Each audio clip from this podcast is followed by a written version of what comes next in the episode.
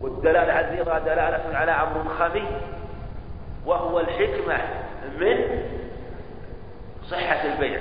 وهذا أمر خفي فلا نعلق البيع بظهور الحكمة وهو وجود التراضي إلا بما يدل عليه صراحة وهو الإيجاب والقبول.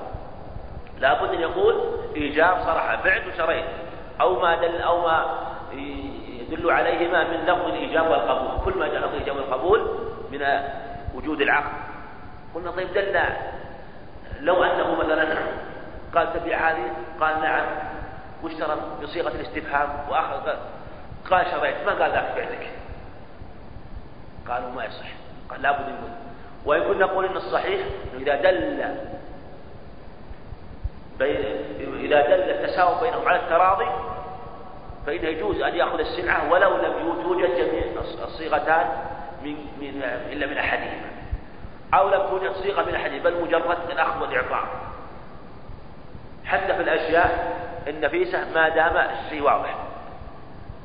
ونقول هذا وإن كان هو الحكمة لكن ظهور الرضا هنا منضبط واضح مو وإذا ظهرت الحكمة وانضبطت فإنه لا بأس من التعليل فنقول العلة في صحة البيع هو التراضي الحكمة في صحة البيع هو التراضي والتراضي علم وجوده بهذه الصيغ دلالة واضحة. بل ربما كانت دلالته أحيانا أقوى من دلالة بعض الصيغ التي ذكرها.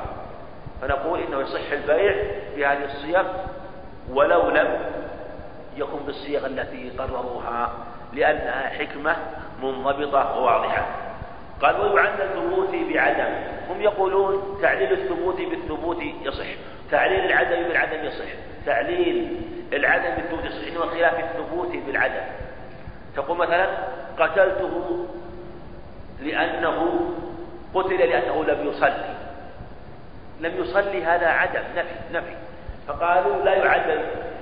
قال بعضهم لا يعلم. والمصنف رحمه الله قول وقول كثيرين يعلم. الثبوت بالعدم. وقال انه قتل لأنه لم يصلي.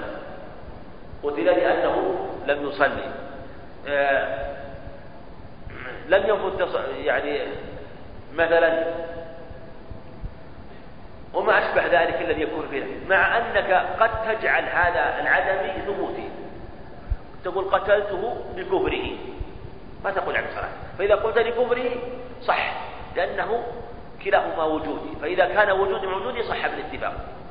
لأن لوجود الكفر إن قلت هو من باب يعني أشبه ما يقول آه، الخلاف هنا في بعض المواضع خلاف لفظي. إن جعلته عدميا آه، فإنه لم يصح عند قوم ويصح عند مصنف وإن جعلته وجوديا فإنه يصح. ولهذا الوجودي مع الوجودي مثل قلت آه، مثلا الشرب المسكر يعني شرب المسكر يحرم الإسكار يعني يحرم يوجد التحريم بوجود الإسكار هذا ثبوتي بثبوتي أو وجودي بوجودي. ف وكما قال المصنف رحمه الله أنه يعلل ثبوته بعدم والله أعلم.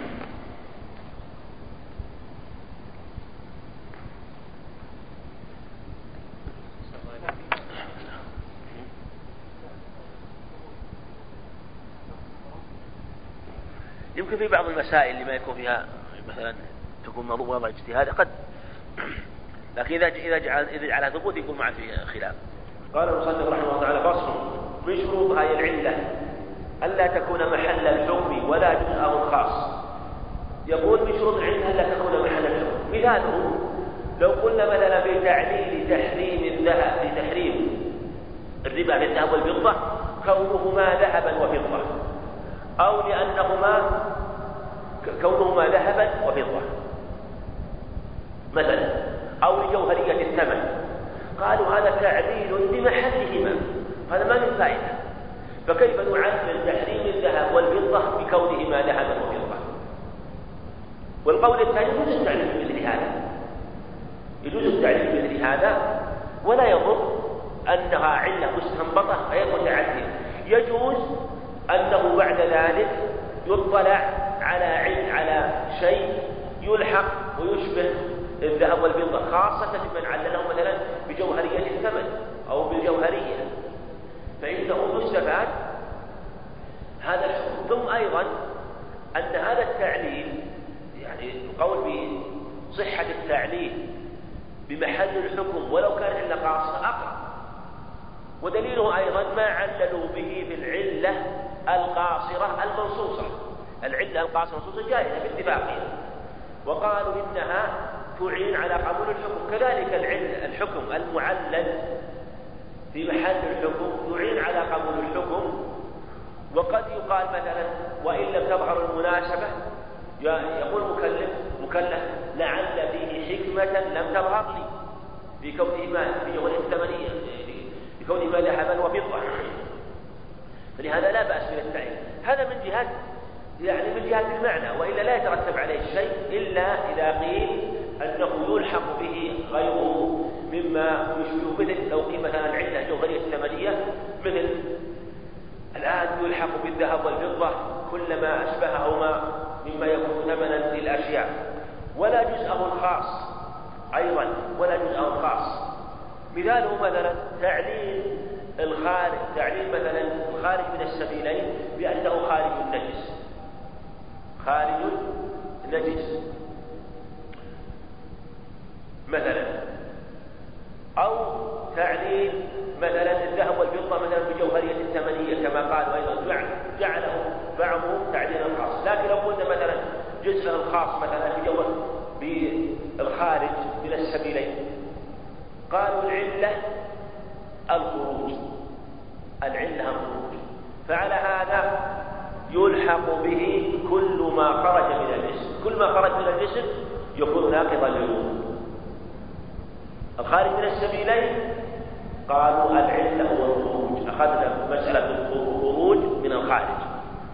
ولم وتركنا السبيلين. فأخذنا شيئا خاصا. فألحقنا بكل خارج من البدن على قول من علل بأنه ينظر إذا كان خارجا منه. قال ولا قاصرة مستنبطة. يعني أنها يقول لا تصح ألا أن تكون محل الحكم على كلام صحيح وفائدة قاصرة بنص أو إجماع على الناس. يقول إن العلة القاصرة المنصوصة يجوز أن تكون محل الحكم. مثلا السفر علة لقصر الصلاة مع أنه خاص بالسفر. لا يقال تقصر الصلاة إلا بالسفر. ما في موضع آخر نقول إنه يلحق بالسفر أنه ما تقصر الصلاة إلا بالسفر. مثلا وهكذا مثلا غيره مثلا. مما يلحق به مثلا. مثل لبس الخفين. لبس الخفين والمسح عليهما. مثلا ربما نعدله مثلا بالمشقة في نزعهما. ولا يلحق بالخفين شيء آخر. يمسح يمسحان. ما يمسح إلا الخفين. وإن لم وإن لم لا يمسح إلا الخفان على إذا إذا دخلنا فيهما قدمين وإن لم يكن فيهما جرح ولا شيء فهو حكم خاص. مع ذلك نعلله ومع ذلك هذا الحكم ال... وهو مثلا عند لبس الخفين أو مسألة قصد الصلاة في السفر قصد الصلاة في السفر لا بأس أن نعلله.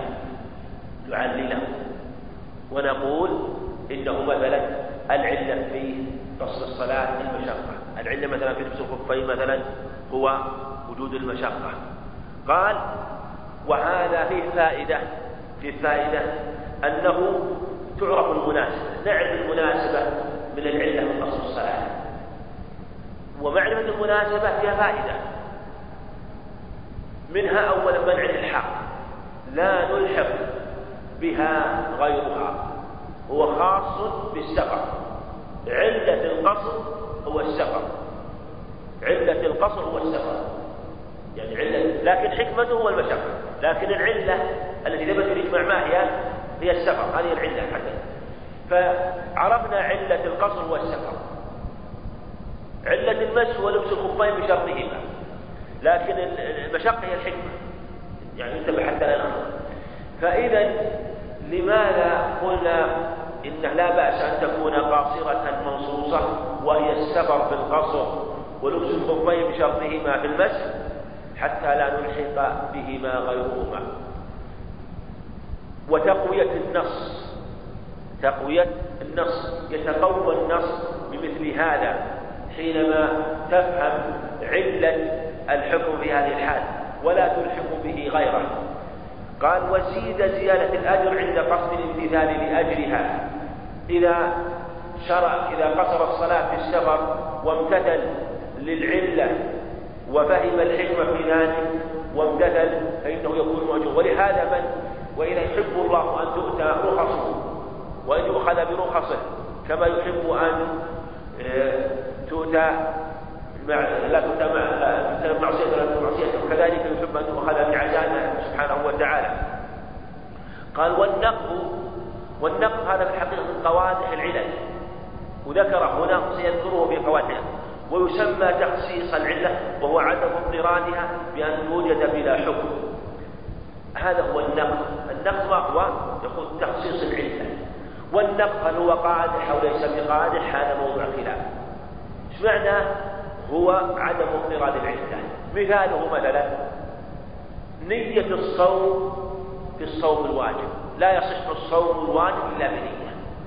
لقوله على إنما الأعمال بالنيات. فمن لم ينوي لا صحة لصومه. طيب إنسان أراد أن ينقض هذه العلة وهي النية وجوب النية. قال وجد وجد فاتت النية في موضع مع صحة الصوم. قلنا ما هو؟ قال صوم التطوع. والصوم الذي يعرى أوله من النية ليس بصحيح. وقال وأنتم صحتم صوم التطوع. إذا نقض علينا الحكم. هل هذا النقض يبطل أو لا يبطل؟ اختلف العلماء في هذا. والصواب أن يقال إن كانت العلة منصوصة فلا ينقض وإن كانت والمصنف رحمه الله ذكر أقوال كثيرة نحو عشرة أقوال. وأقربها أن يقال إن كانت العلة منصوصة من الشارع فالنقض لا يرد وإن كانت مستنبطة فانتقاض العلة وعدم اضطرادها يدل على بطلانها وأنها ليست بصحيحة. إذ لو كانت صحيحة لاضطردت علامة صحة العلة واضطرادها يعني استمرارها في جميع المحال. لكن في هذا المثال نقول ليس بواجب. نقول لأن صوم التطوع من باب تخصيص العام وإن فاتت النية لوجود الدليل على التخصيص مع فواتته مع أنهم متفقون على أنه أن أن في الصوم لا أن الصوم الواجب يعني الصوم أو أن الصوم الواجب لا بد له من النية. لكن دل الدليل عليه فخصص في هذه الحال فإذا كان في العلة منصوصة من الشارع فكون الدليل يدل على تخصيصها لا يبطلها لكن إذا كانت مستنبطة فإن تخصيصها عدم اضطراد مع الله. مثال مثلا علة الربا في الذهب والفضة. المذهب يقولون كونها موزون جنس. إذا كل موزون لا يجوز بيعه بجنسه لا يجوز بيعه بجنسه متفاضلا. ولا يجوز بجنس آخر موزون نسيئة الذهب والفضة قالوا عندنا مثلا الوزن مع الجنس الوزن مع الجنس. إذا كان الجنس واحدا مثلا الذهب والفضة على هذا الحكم في الحديد وما أشبه ذلك لأنه موزون. وسائر الموزونات مثل اللحم على هذا ما يجوز يجري الربا بين اللحم وسائر الموزونات والذهب والحديد كل موزون يجري كل ما كان موزونا. طيب قلنا له ألستم تقولون الذهب والفضة يجوز إسلامهما في الموزونات يجوز الإنسان يشتري حديد موصوف إلى مدة معينة ويقدم الذهب والفضة حالا والحديد مؤخر والقاعدة أن ربا النسيئة ما يجوز مثال إذا كان موزونين قلنا العلة انتقضت. وأنتم وجدتموه. تجيز ولهذا أجمع العلماء على جواز إسلام الموزونات بالذهب والفضة. أجمعوا. فإجماعهم على جوازه حتى الذين يعللون طبعا يدخل في الذين يعللون يعني محل إجماع. فقال هذا مستثنى لأنهما قيم الأشياء فقول كونكم تجوزون أنه يسلم الذهب والفضة في الموزونات. في الموزونات دليل على أن التعليل بالوزن ليس بصحيح. فانتقاض العلة في هذا الموطن والإجماع على صحة إسلام يدل على أن ليست بصحيحة فهي منتقضة وهذا مما استدل به جمع العلم على عدم تعليل صحة تعليل الذهب والفضة بأنهما موزون جنس. ولهذا كان الصواب القول إما أنه الوزن مع الطعم أو كونهما ثمن الأشياء. إذا قيل الوزن مع الطعم يعني كونه موزون وأن يكون الموزون مطعوما وأن يكون المطعوم موزونا. فإذا قلنا مطعوم موزون يرد على مذهب الشافعي وإذا قلنا الموزون مطعوم يرد على مذهب أحمد رحمه ولهذا في رواية عن أحمد رحمه الله واختار صاحب المغني أنه يقول ما اجتمع فيه الكيل أو الوزن مع الطعام ففيه الربا رواية واحدة. رواية واحدة. فلهذا قلنا إن إن النقض يرد على العلة المستنبطة لا على العلة المنصوصة. قال ولا يقدح مطلقا. قال كان مصنف رحمه الله لا يقدح مطلقا سواء كان مستنبطا أو منصوصا ويكون حجة في غير ما قص. يعني باب تخصيص العام كما سبق. والتعليل لجواز الحكم لا ينتقل بأعيان المسائل. التعليل لجواز الحكم. هذا مثل مثل تعليل الفقهاء. يعني هذا هو هو يضرب مثال على تعليل الفقهاء الله عليه التعليل لجواز الحكم قل لا ينتقل بأعيان المسائل مثاله وذكر المصنف رحمه الله. قوله مثلا الصبي حر. فوجبت الزكاة في ماله. الصبي حر. فليوجب الزكاة كما تجب الزكاة في مال الحر. قالوا مثلا قولكم تجب الزكاة في ماله. ينتقض بغير الزكوي مثلا بيته سيارته أثاثه ما تجب فيه الزكاة. قل قالوا كونكم تريدون مسألة أو مسائل لا يجب فيها الزكاة لا يعني نحن نعلم. يعني هذا عند تعليل الفقهاء حينما يتنازعون ويعللون مثلا وقد تكون هذا صرف النظر عن كون العله صحيحه وغير صحيحه لكن الكلام في أنها من حيث الجملة علة مقبولة لكن إن كانت العلة مؤيدة وثابتة أو مؤيدة مثلا باستنباط أو نص مقبولة وهي من حيث الجملة يقبل التعليل. فلا تبطل بمسألة أخرى. مسألة أخرى والمعول على مثل ذلك يعني على صحة التعليل على صحة. أما هي من جهة أنها علة فهي تقبل في في مجال النقد والرد في مجال آه، النقاش والأخذ والإفضال بين الفقهاء في المسائل. ولهذا قال وبنوعه لا ينتقل لا بعين المسألة. مثاله مثلا يعني لو قال مثلا في وهو ذكر رحمه الله قال لحم الإبل يعني نريد أن نعلل نقض لحم الإبل للوضوء على من لم ير نقضه. بعض العلماء ما يرى نقض ما يرى نقض الوضوء بلحم الإبل. ومثلا والأدلة التي جاءت أولوها أو ضعفوها قلنا له إذا نعلل بماذا؟ نقول مثلا لحم الإبل ينظر. وهو مثلا نوع عبادة نوع عبادة أو يفسد يفسد بالحدث فيعني مثل مثلا عندنا الوضوء والصلاة. الوضوء والصلاة مثلا. الوضوء يفسد بالحدث والصلاة تفسد بالحدث. أليس كذلك؟ تفسد بالحدث. قالوا اتفقت الصلاة والوضوء في فسادهما ماذا؟ بالحدث إذا اتفقت الصلاة والوضوء بمسائل الحدث قالوا نلحق الوضوء بالصلاة في مسألة أخرى. ما هي؟ كما أن الصلاة تبطل مثلا بالأكل لو إنسان أكل وهو يصلي حكم صلاته. يعني يعني بطلت صلاته. قالوا إذا لو أنه أكل لحم الإبل بطل وضوءه كما تبطل الصلاة بالأكل. كذلك يبطل الوضوء بالأكل. إذا هم جعلوا الوضوء جعلوا نقض الوضوء لمحل اتفاق وهو أنه يبطل الصلاة في الوضوء. جئنا إلى الأكل اللي هو موضع خلاف والذين يخالفون متفقون معنا أن الأكل يبطل الصلاة. قلنا أنتم تبطلون الصلاة بالأكل. و والحدث ينقضهما جميعا. الحدث ينقضهما جميعا. فقلنا إذا الوضوء ينتقض بنوع الأكل. نوع الأكل. الصلاة تنتقض بالأكل. أي أكل. فالوضوء إذا ينتقض بالأكل كما أنهما ينتقضان جميعا بالحدث. ينتقضان جميعا طيب أورد علينا مسألة.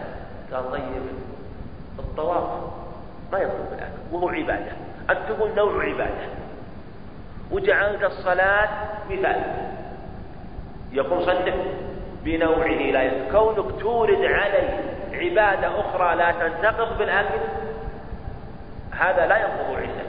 لأنه يكفيني فرع أو أو يكفيني شيء واحد أو فرد واحد من هذا النوع وهو الصلاة وهو أنه يبطل بالأكل. فالوضوء يبطل بأكل لحم الإبل. كما أن الصلاة والوضوء ينتقضان بالحدث فلا ترد عليه الطواف الذي لا يبطل بالأكل فيقول هو لا يبطل بنوع بنوع لا ينتقد بعين المسائل وبنوعه لا ينتقد بعين المسألة يعني هذا يقصد باب الحجاج حينما يحصل خلاف بين الفقهاء في هذه المسألة هذا عند فرض وفي الحقيقة إذا كانت المسألة بس تعليل ما في دليل. إذا كان مسألة تعليل ليس في دليل فالصواب مثل هذا ينظر في هذا التعليل. إن كان التعليل المستنبط صحيح أو يؤيده وإلا فإنه لا يرد فقد يكون منتقضا كما سبق في علة الذهب وعلة تحريم الذهب والفضة وهل هو من الكيل أو غيره. لكن هذا من باب حينما يشحن الذهن ويحصل النقاش في مثل هذا ويولد بعضهم على بعض يقول أنا لا تنقض علتي في مثل هذا. قال والكسر وجود الحكمة بلا حكم. الكسر وجود الحكمة بلا حكم. مثاله مثلا الحكمة بلا حكم. الكسر يعني لا يبطل. الصحيح أيضا. وجود الحكمة بلا حكم. سيأتينا أيضا. يعني مثاله مثلا السفر علة لقصر الصلاة. الحكمة المشقة. أليس كذلك؟ الحكمة المشقة. الإنسان قد يسافر ولا يجد مشقة. ويكون مترفها فالحكمة فالعلة مظنة الحكمة قد توجد وقد لا توجد. لو وجدت الحكمة فلا تبطل يعني لا تبطل الحكم. لو إذا عللنا مثلا إذا قلنا الحكمة من القصر هو المشقة. لو إنسان قال آخر طيب العامل الذي يعمل من أول النهار إلى آخره. يجد من المشقة العظيمة الله به عليه ألا يقصر الصلاة؟ وهو ما يقصر الصلاة. وهو ما يقصر نقول هذا لا يبطل الحكم ولا يجوز له القصر هو. لا يجوز له القصر وهذا والكسر وجود الحكمة. يعني وجدت المشقة بلا حكم بلا قصر صلاة. بلا قصر صلاة. وهذا لا يقول لأننا نقول إن الحكم الذي معنا ليس حكمة مجردة. لا. معها علة. وهي السفر الذي مظنته الحكمة فالحكمة قد توجد وقد لا توجد. ولهذا الصواب أنها لا لا تؤثر في العلة كما سيأتي. قال ولهذا قال والنقض المقصور قال والكسر وجود الحكمة بلا حكم والنقض المقصور نقض بعض الأوصاف ولا يبطلانها يعني الكسر وهو وجود الحكمة بالحكم والنقض وهو فوات بعض الأوصاف لا يبطل الحكم. مثاله مثلا عندنا النقب وعندنا النقب المكسور. النقب سبق معنا. النقب سبق معنا. يعني وهو وجود العلة بلا حكم. هذه وجود الحكمة بلا حكم. ها النقض وفوات بعض الأوصاف. فوات بعض الأوصاف. فوات بعض الأوصاف يقول صلى رحمه الله. يقول. مثاله مثلا كما ذكر صلى رحمه الله حينما مثلا يقول الشافعي يقول الشافعي بيع الغائب أو المجهول لا يجوز.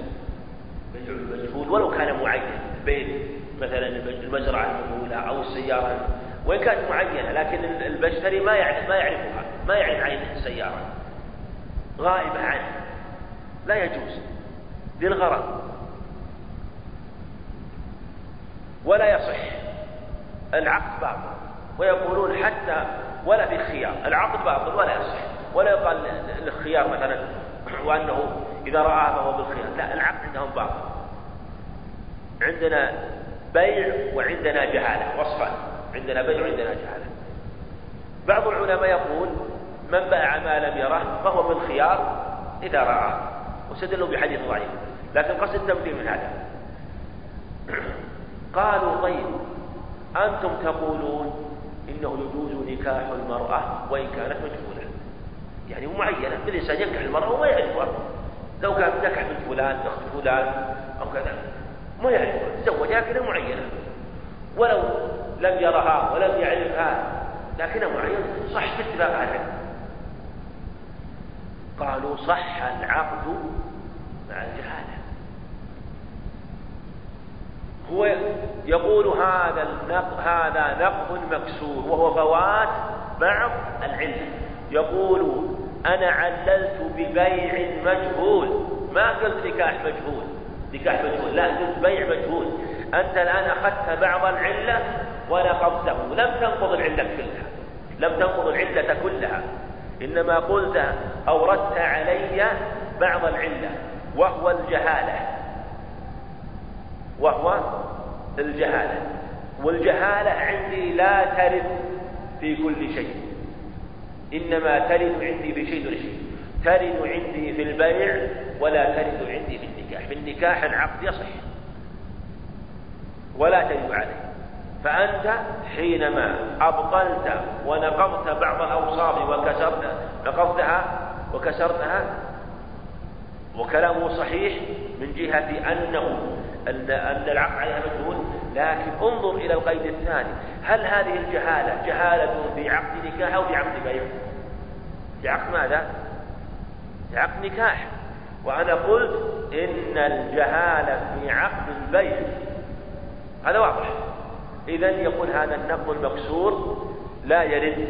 كما أن الكسر لا يرد ولا والله أعلم. نقف على والعكس قال مسلم رحمه الله تعالى والعكس وهو عدم الحكم لعدم العلة الشرط إن كان التعليل بجنس الحكم لا إن كان لنوعه. هذا في مسألة العكس هل هو شرط أو ليس بشرط؟ صلى رحمه الله يقول إن كان لجنس الحكم فإن كان لجنس الحكم هو شرط وإن كان لنوعه فليس بشرط. شرط إن كانت لجنس الحكم. يتضح بالمثال. شنو نقول مثلا؟ الوضوء ينتقض بالحدث. الوضوء ينتقض بجنس الحدث. الوضوء ينتقض بجنس الحدث. نقول من أحدث فليتوضأ. من لم يحدث فلا يتوضأ. ينعكس. لأنه جنس الحدث. يدخل جنس الحدث. فلهذا إذا إذا كان بجنس الشيء فالانعكاس شرط. كمن ولهذا نقول الوضوء ينتقل بالحدث فمن أحدث فليتوضأ ومن لم يحدث فليتوضأ. إن كان لنوعه مثل شيء وهو ما إذا كان الشيء له عدة علل. مثل الوضوء ينتقض مثلا بأكل لحم الإبل بالبول بخروج الريح.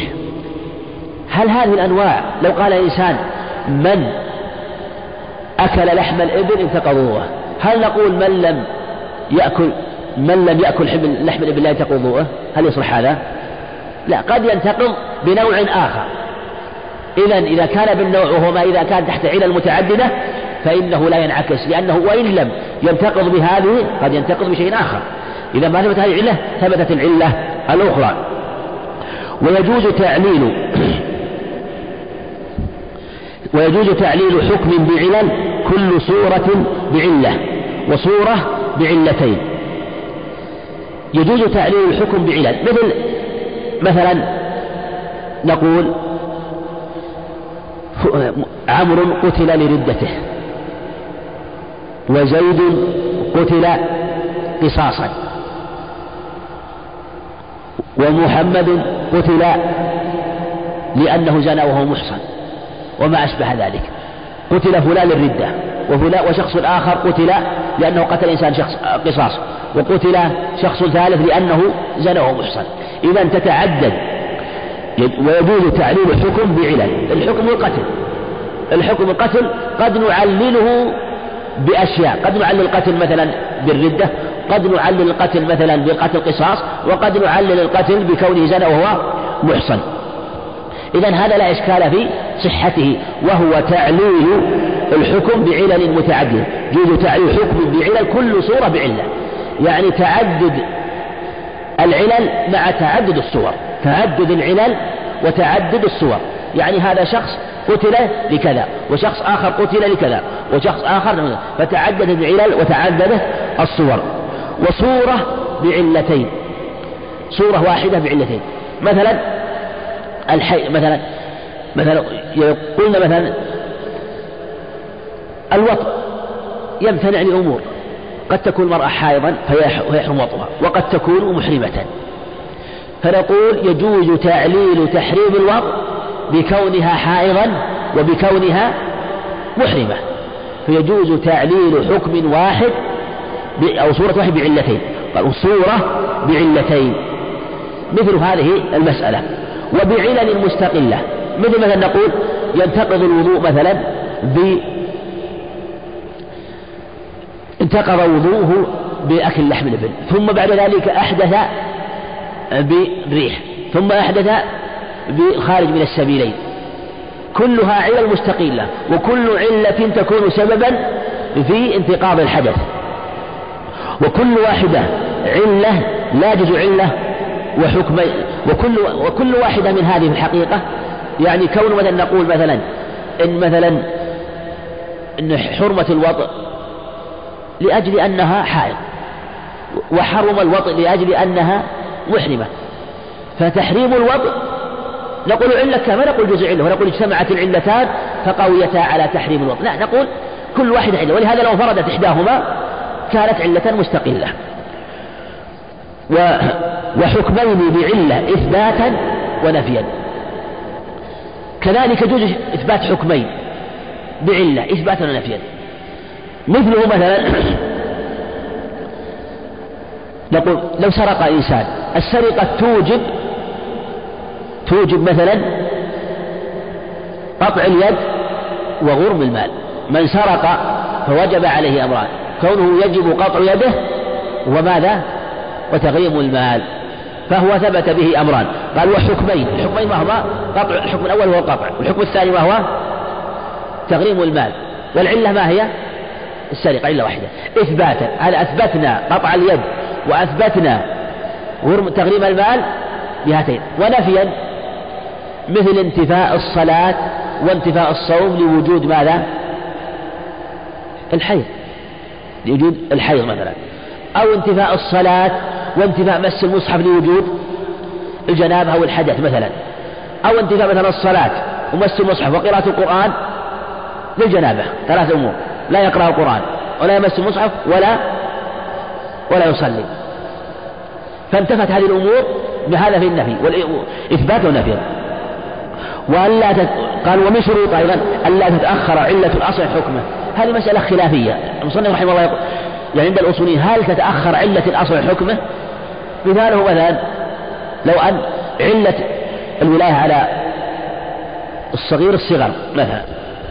ولي إنسان على صغير. أو الأب ولاية الأب على الصغير مثلا. نقول هذا الصغير لك عليه الولاية. حدث له جنون مثلا جنة. هل نقول تثبت الولاية بالجنون؟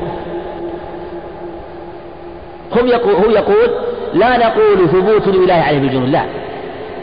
قالوا لأن الولاية ثابتة قبل ما ثبتت؟ ثابتة في الصغر فكونك تجعل الجنون علة للولاية يقول لا. العلة علة الولاية ثابتة فهذه علة متأخرة. علة متأخرة لأن ألو... شلون تجعل العلة لمعلوم متأخر؟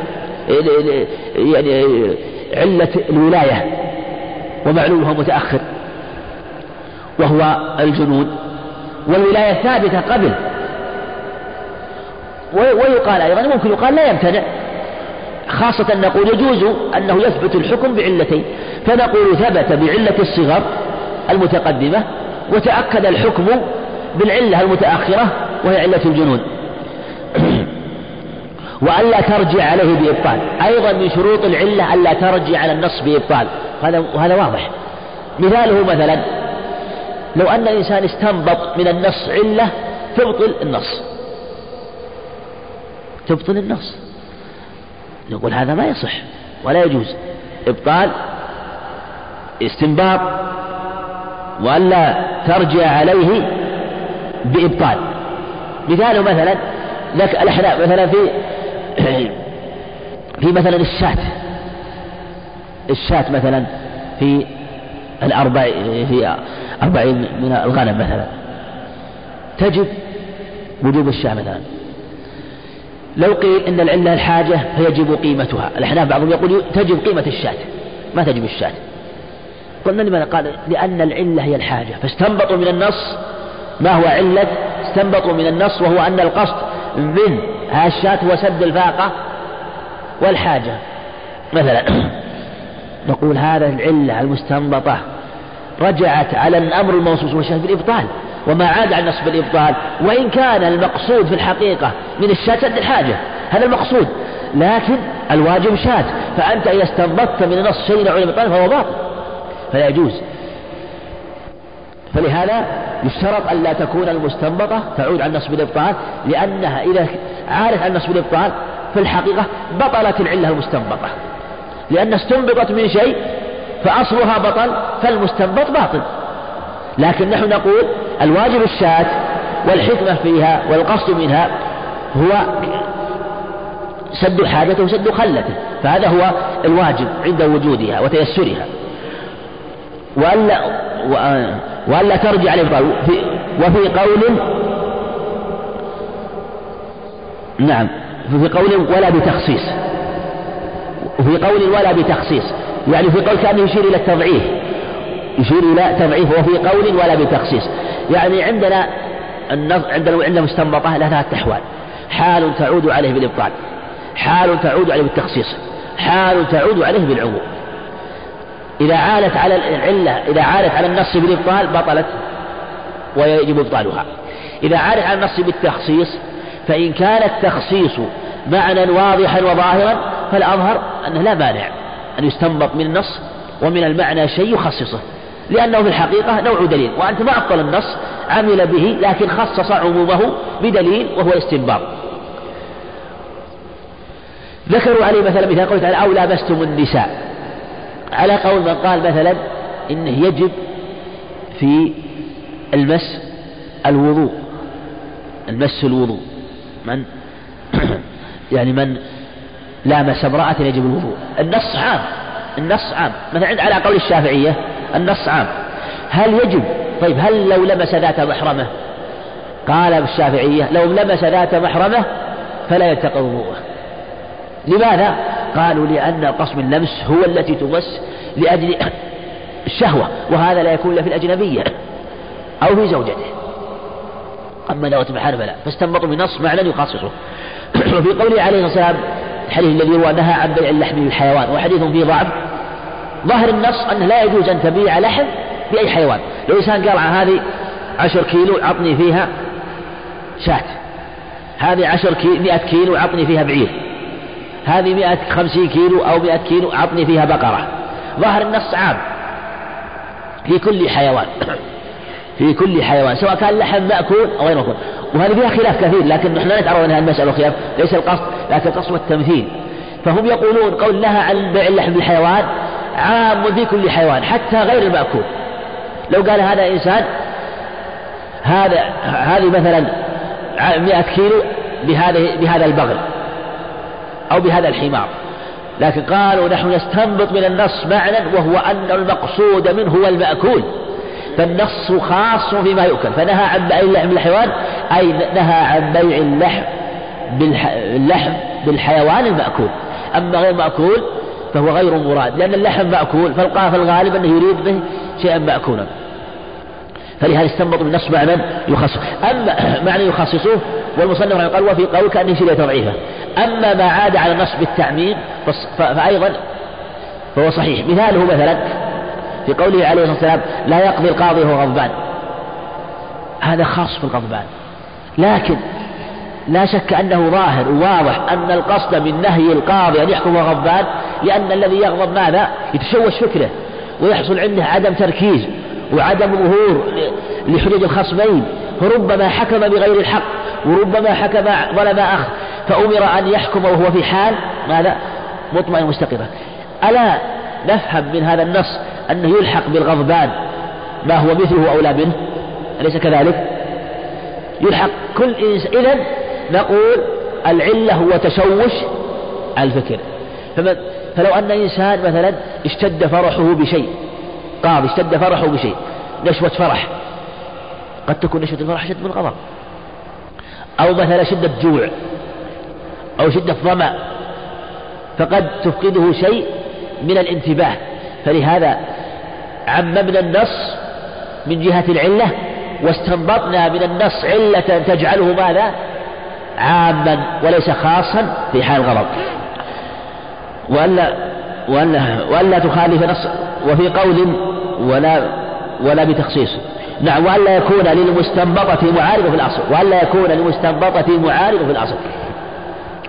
مثلا لو كان عندنا مثلا علة عندنا مثلا مسألة لها أصلان ربما شبهت بهذا الأصل وربما شبهت بهذا الأصل تعارض فيها أصلان لو قال إنسان مسح الرأس ركن في الوضوء والوجه ركن في الوضوء والوجه يشرع تكرار غسل الثلاثة ويشرع تكرار المسح ثلاثا مثلا. قلنا هذا له معارض. قال ماذا؟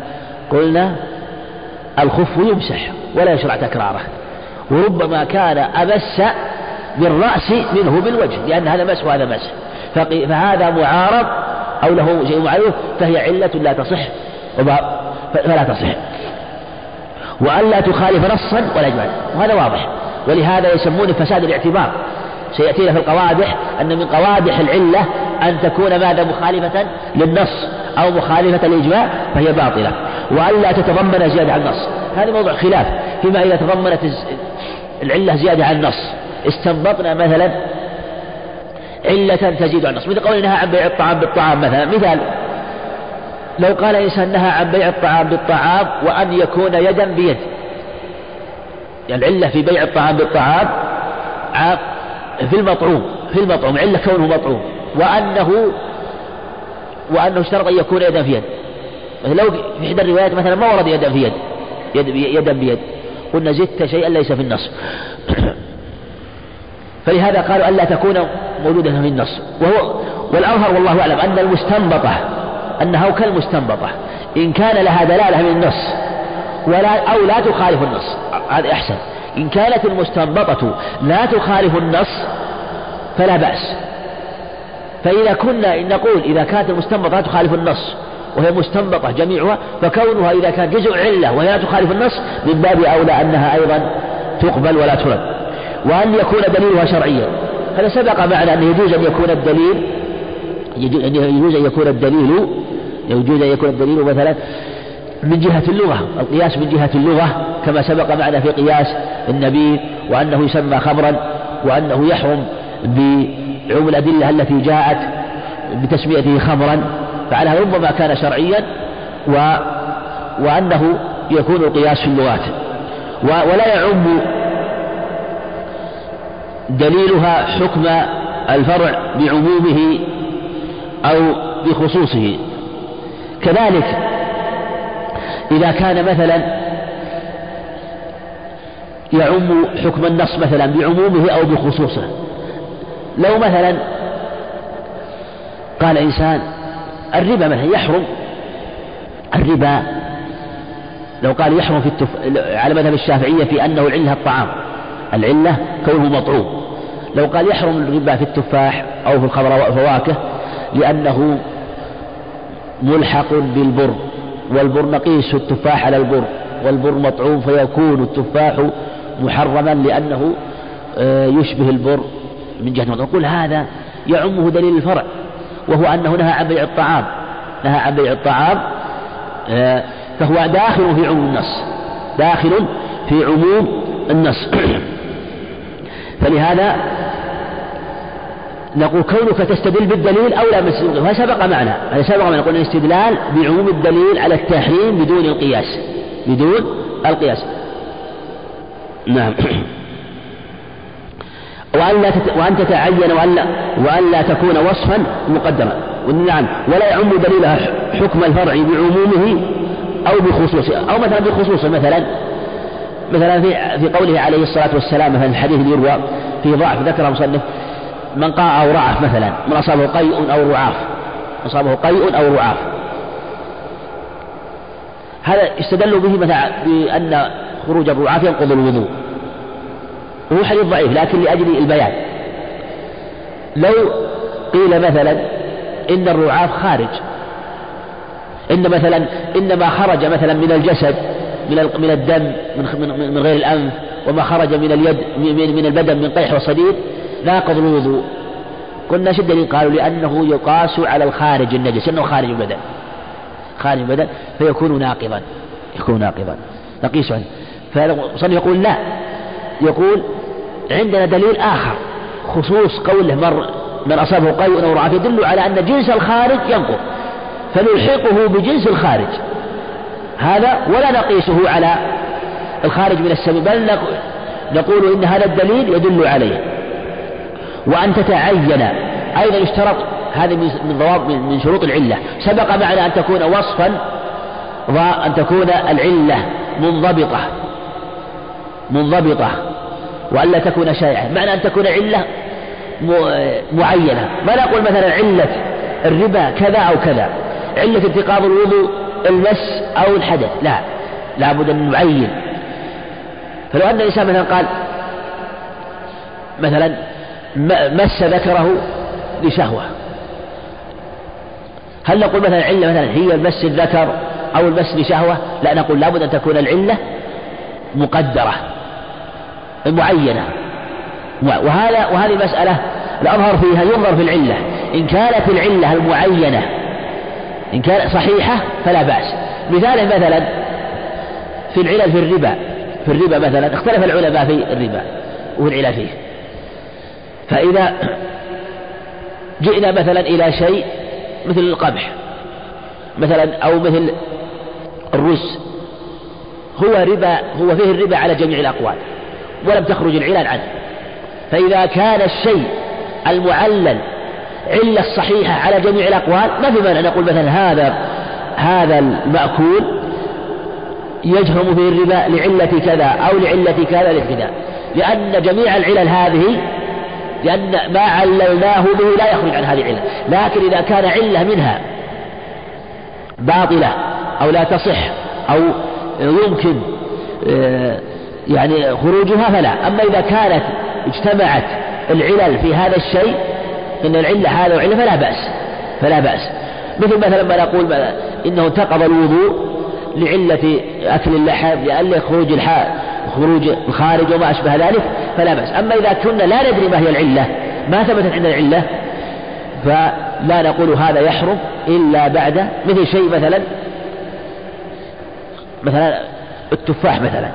لو قال الإنسان هذا احتمال في الربا لعلة الطعم أو لغيره نقول لا.